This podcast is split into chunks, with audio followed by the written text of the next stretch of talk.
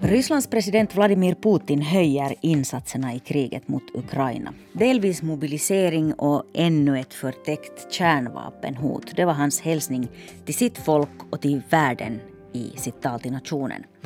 Det är första gången Ryssland mobiliserar sedan andra världskriget och i Ryssland trendar nu Google-sökningen Så bryter du armen. Vad betyder det om Ryssland officiellt går ut i fullskaligt krig? Det ska vi prata om i nyhetspodden idag. Jag heter Jonna Nupponen och med mig för att förklara det här är Ilmari Käihkö, krigsvetare vid Svenska försvarshögskolan och gästforskare också vid Alexanderinstitutet i Helsingfors. Hej igen Ilmari. Hej. Det känns som om det bara är du och jag som pratar här i nyhetspodden om Ryssland dag ut och dag in. Ja, men det är bra så också. Det är alltså en delvis mobilisering som Putin nu har annonserat. Varför mobiliserar han nu? Och det enkla svaret är att han har inga alternativ. Mm. Så antingen kunde Putin backa i situationen där kriget går allt sämre för, för Ryssland. Alternativt eh, var han tvungen att eskalera och där fanns det ett antal alternativ som han kunde göra det här att, att eh, mobilisera nya styrkor var nog det enklaste. Mm. Men samtidigt är det bra att komma ihåg att han har inte deklarerat krig mot Ukraina. Han har inte heller nu eh, mobiliserat allt hela, hela ryska samhället för det här kriget. Mm. Det är fortfarande inte ett, inte ett krig. Eh, sen vet vi inte heller hur den här mobiliseringen kommer se ut. Så det, det är rätt lite som vi vet om konsekvenserna är, men ändå, ändå nu kan vi försöka prata om det, det som vi vet. Mm. Men det ryska försvarsministeriet som nu är på något sätt det som ska sköta det här praktiska kring den här delvis mobiliseringen pratar om att 300 000 ska kallas in. Är det liksom allt man klarar av eller varför den här summan?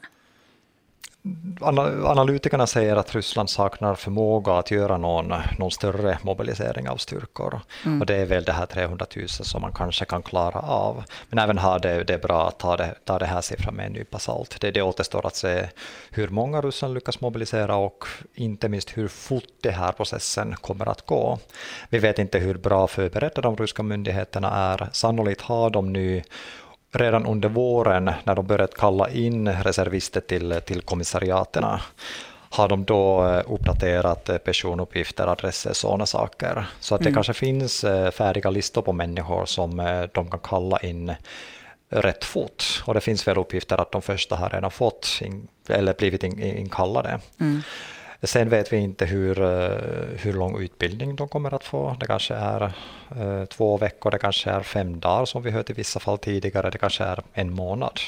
Men allt i allt är det många som nu tycker att eh, någon större mobilisering kommer ta flera månader innan vi börjar se, se effekten i Ukraina. Du sa att det kanske redan finns listor. Vad tror du? Vems namn står på de här listorna? Är det Moskva medelklassens söner det handlar om eller vem är det nu som berörs? Det berörs nog uh, mer utsatta människor på landsbygden. Vi vet att minoritetsgrupper är överrepresenterade i den ryska militären, så det är mm. sannolikt mm. sådana människor, inte unga i, storstäder. Så fortfarande Putins problem, varför han velat undvika det här hela tiden, är det här politiska kostnaden som kommer. Vi vet att uh, att kriget har, har varit eh, opopulärt i Ryssland eh, i meningen att, att eh, man kanske kan stödja kriget tyst men, men, att, men inte vill strida. Så tidigare har man ju försökt mobilisera nya styrkor genom att hänvisa till ideologi och genom, genom att betala folk. Mm. Men, men det här har inte räckt till. Och med, med stöd från väst så, så har ju den ukrainska militären blivit allt starkare. Och eh, de här eh, framgångsrika offensiverna som Ukraina har gjort i Charkivområdet under de senaste veckorna är ju konkret bevis på att Ryssland saknar soldater att försvara den här långa frontlinjen. Hittills har ryssarna kanske kunnat välja att inte bry sig om politiken, inte bry sig om kriget, bara liksom ligga lågt och sköta sitt. Men nu i och med den här eh, delvisa mobiliseringen börjar Putins krig i allt större utsträckning beröra också vanliga ryssar. Vad är din bedömning? Hur kommer folk nu att reagera? Kommer man att lyda den här mobiliseringsordern till exempel? Det återstår att se. Vi har redan igår fått rapporter om, om demonstrationer mot, mot den här nya lagen det var något som hände, hände redan dagen innan när, när Ryssland införde nya straff, eller hårdare straff mot eh, vapenvägran, mot deserteringen. Mm. Och det måste ju tas som ett bevis på att de ryska myndigheterna är medvetna om att det här kommer även väcka motstånd. Eh, en annan sak som vi inte nämnt än är att eh, det, det här lagen det handlar inte bara om mobiliseringen utan att nu förlängde man också existerande kontrakt på soldater. Mm. Eh, som sagt, Ryssland har ju betalat stora summor för att få, få korttidsanställda med, med fyra till sex månaders kontrakt till Ukraina. Och eh, vad, vad kommer sådana soldater tänka när de har haft ett slutdatum på deras kontrakt, när de nu hör att det finns inget slutdatum? och som nu hör att nej, men ni kanske inte får åka hem någonsin. Mm. Eh, jag, jag, tror inte att det här kommer, kommer hjälpa med, med de eh, stora problem med, med, med moral som, som de ryska styrkorna har lidit. Hur stor skulle du bedöma att den inrikespolitiska risken är som Putin nu tar med den här mobiliseringen? Ja, men uppenbarligen är den hög eftersom eh, Putin har inte velat, velat göra det här. Mm. Om man hade ju gjort det här i början av kriget hade nog effekten blivit mycket bättre. Och, och det, det beror på att då hade man eh, fler officerare att utbilda de här eh, reservisterna, eh, fler officerare att leda dem i strid. Men det, mm. det är många som har blivit sårade, många som har dött. Så då hade nog effekten var, blivit bättre för Ryssland. Så att det känns som att han har skjutit upp det här beslutet. En anledning varför, varför han kanske tog beslutet är att det finns också det här krigsoppositionen i Ryssland. Så det finns delvis här fredsoppositionen som vill ha fred, men sen finns det också de som vill ha krig. Mm. Eh, som, som man ser att eh, när Ryssland nu för krig i Ukraina så måste man föra kriget fullt ut. Och det är ju något som, som Putin inte velat göra. Mm. Han, han vill föra det här kriget och har velat föra det här kriget som, ett, som en begränsad militär operation istället av ett fullskaligt krig. Vad förändrar det här egentligen med kriget? Jag tänker så här 300 000 flera ryska soldater som kan finnas i Ukraina. Inte nu alldeles genast, men snart. Vad, vad skulle det betyda? Så som sagt, vi måste ta det här 300 000 med en nypa salt. Men om mm. man nu mm. tänker att, eh, att Ryssland invaderade Ukraina med kanske 150 000 soldater och att de sedan haft kanske 200 000 soldater i Ukraina, så är 300 000 enormt många nya soldater. Om man ens kommer i närheten av det så kan man göra saker med de styrkorna om, om det är soldater med dålig utbildning, dålig utrustning med låg moral, så kan man knappast använda dem för, att, eh, för, för större offensiver. Mm. Det som man kan nu i kort, kort sikt göra är att man kan eh, ta dem till Ukra Ukraina så att de, de styrkorna, och kanske de professionella styrkorna inte minst, som tjänstgör i Ukraina nu kan faktiskt eh, vila upp sig. Och sen mot våren när man, när man mobiliserar tillräckligt många styrkor när man, när man eh, återhämtat sig, så då kan man börja större offensiva operationer för att försöka vända kriget. Men just nu är det nog syftet att eh, stabilisera frontlinjerna, låta de ryska styrkorna vila upp sig.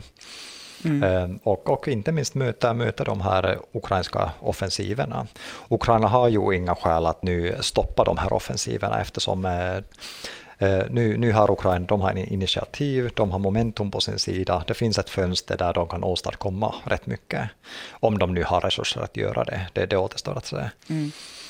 Här pågår ju parallellt en annan sak också, det vill säga i helgen ska det hållas så kallade folkomröstningar om anslutning till Ryssland i de ockuperade områdena i östra Ukraina, i Donetsk, i Luhansk, i Herson, i Zaporizjzja.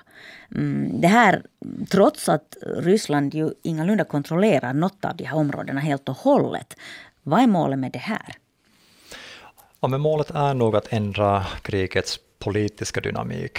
Och, Eh, om man nu eh, säger att eh, de här fyra ockuperade områdena är en del av Ryssland, vilket är givetvis något som varken Ukraina eller väst kommer nå, nå, någonsin erkänna, mm. så då kan Ryssland teoretiskt sett utvidga sin, sin kärnvapendoktrin. Det här var något som, han, som Putin sa i sitt tal, att tidigare har den ryska kärnvapendoktrinen gått ut på att Ryssland kan använda kärnvapen om man möter existentiella hot. Mm. I sitt tal pratade Putin om Rysslands territoriella integritet. Så att det här är en, är en väldigt viktig utvidgning av kärnvapendoktrinen. Putin målar ju nu upp en bild av att eh, Eh, det är väst mot Ryssland det handlar om. Och väst har ju stött Ukraina både ekonomiskt och med vapen. Och också många av de länder som har stöttat Ukraina är NATO-länder. Eh, betyder det här att Ryssland nu på något sätt i förlängningen uppfattar att kriget står mellan NATO och Ryssland? Om det här är en retorik som ryssarna har, har använt sedan länge och eh, i Putin använde ju det här kriget mot väst som ett sätt att förklara till ryssar varför kriget, varför den speciella militära operationen går så himla dåligt för Ryssland. Det kan väl inte i hans ögon vara ukrainare som har orsakat de här enorma förluster på, på den stora ryska militären, utan mm. det måste finnas någon större aktör som ligger bakom Ukraina, som tvingar stackars ukrainare att föra krig mot Ryssland. Uh, I hans ögon är ju ukrainare egentligen ryssar, vilket är något som få ukrainare känner direkt. Mm. Men det finns en fara här också för oss, eftersom om vi accepterar den här retoriken, så då då blir vi också eh, delaktiga i det här kriget mycket mer än vi är idag. Mm. Och i själva faktum, vi för inte de facto krig mot Ryssland i dagsläget och det är inget som vi vill göra heller. Eh, vi stödjer Ukraina i, Ukrainas eh, försvarskrig mot den ryska invasionen. Men det finns inga finska styrkor, inga NATO-styrkor som, som för krig mot ryska styrkor mm. i, i Ukraina. Och det här är något som alla, inklusive Ryssland, har velat undvika från dag ett i kriget. Men just den här retoriken, den kan ju leda till eskalering och, mm. det, finns, och det finns faror här. Samtidigt, eh, som sagt, kan den här retoriken gynna den hårda linjen som, som Putin har. Men jag, jag känner inte att vi borde acceptera det och vi borde inte använda samma retorik. I sitt tal till nationen så viftar Putin än en gång med ett sånt här förtäckt kärnvapenhot. Han påstod att det är väst som hotar Ryssland med kärnvapen och att Ryssland minsann också har kärnvapen som de är redo att använda för att skydda sitt folk. Vad är din bedömning? Har hotet mot väst ökat den här senaste putinska eskaleringen?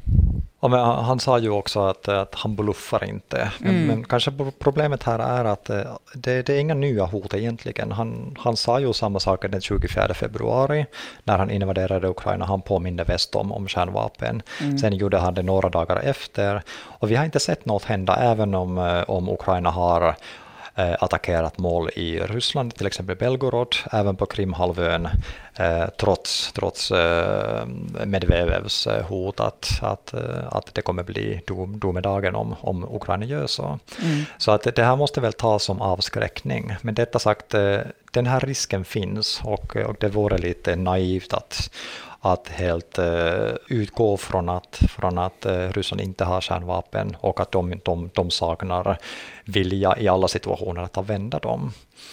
Uh, på samma sätt har ju till exempel Biden nu i helgen i programmet 60 minutes nu pratat om, om konsekvenserna för Ryssland om Ryssland tar till kärnvapen. Så att där finns det också avskräckning. Ehm, så att vi försöker avskräcka dem från att använda kärnvapen och de försöker eh, avskräcka oss från att, från att fortsätta stödja Ukraina och kanske, kanske avskräcka Ukraina från att fortsätta sina offensiver. Men, men den här tröskeln att faktiskt eh, använda kärnvapen, den är väldigt hög och den måste fortsätta vara rätt hög. Och vi ska inte acceptera Putins hot men samtidigt, vi ska inte låtsas som om, som om det hotet är bara snack, utan det, det är något som, som vi måste ta med i, i vår kalkyl hela tiden och det är något som USA inte minst har gjort redan innan, innan kriget bröt ut. Mm. Men det är inget som har egentligen ändrats sen, sen kriget började. Ilmari Käihkö, tack så mycket för den här analysen än en gång. Tack så mycket.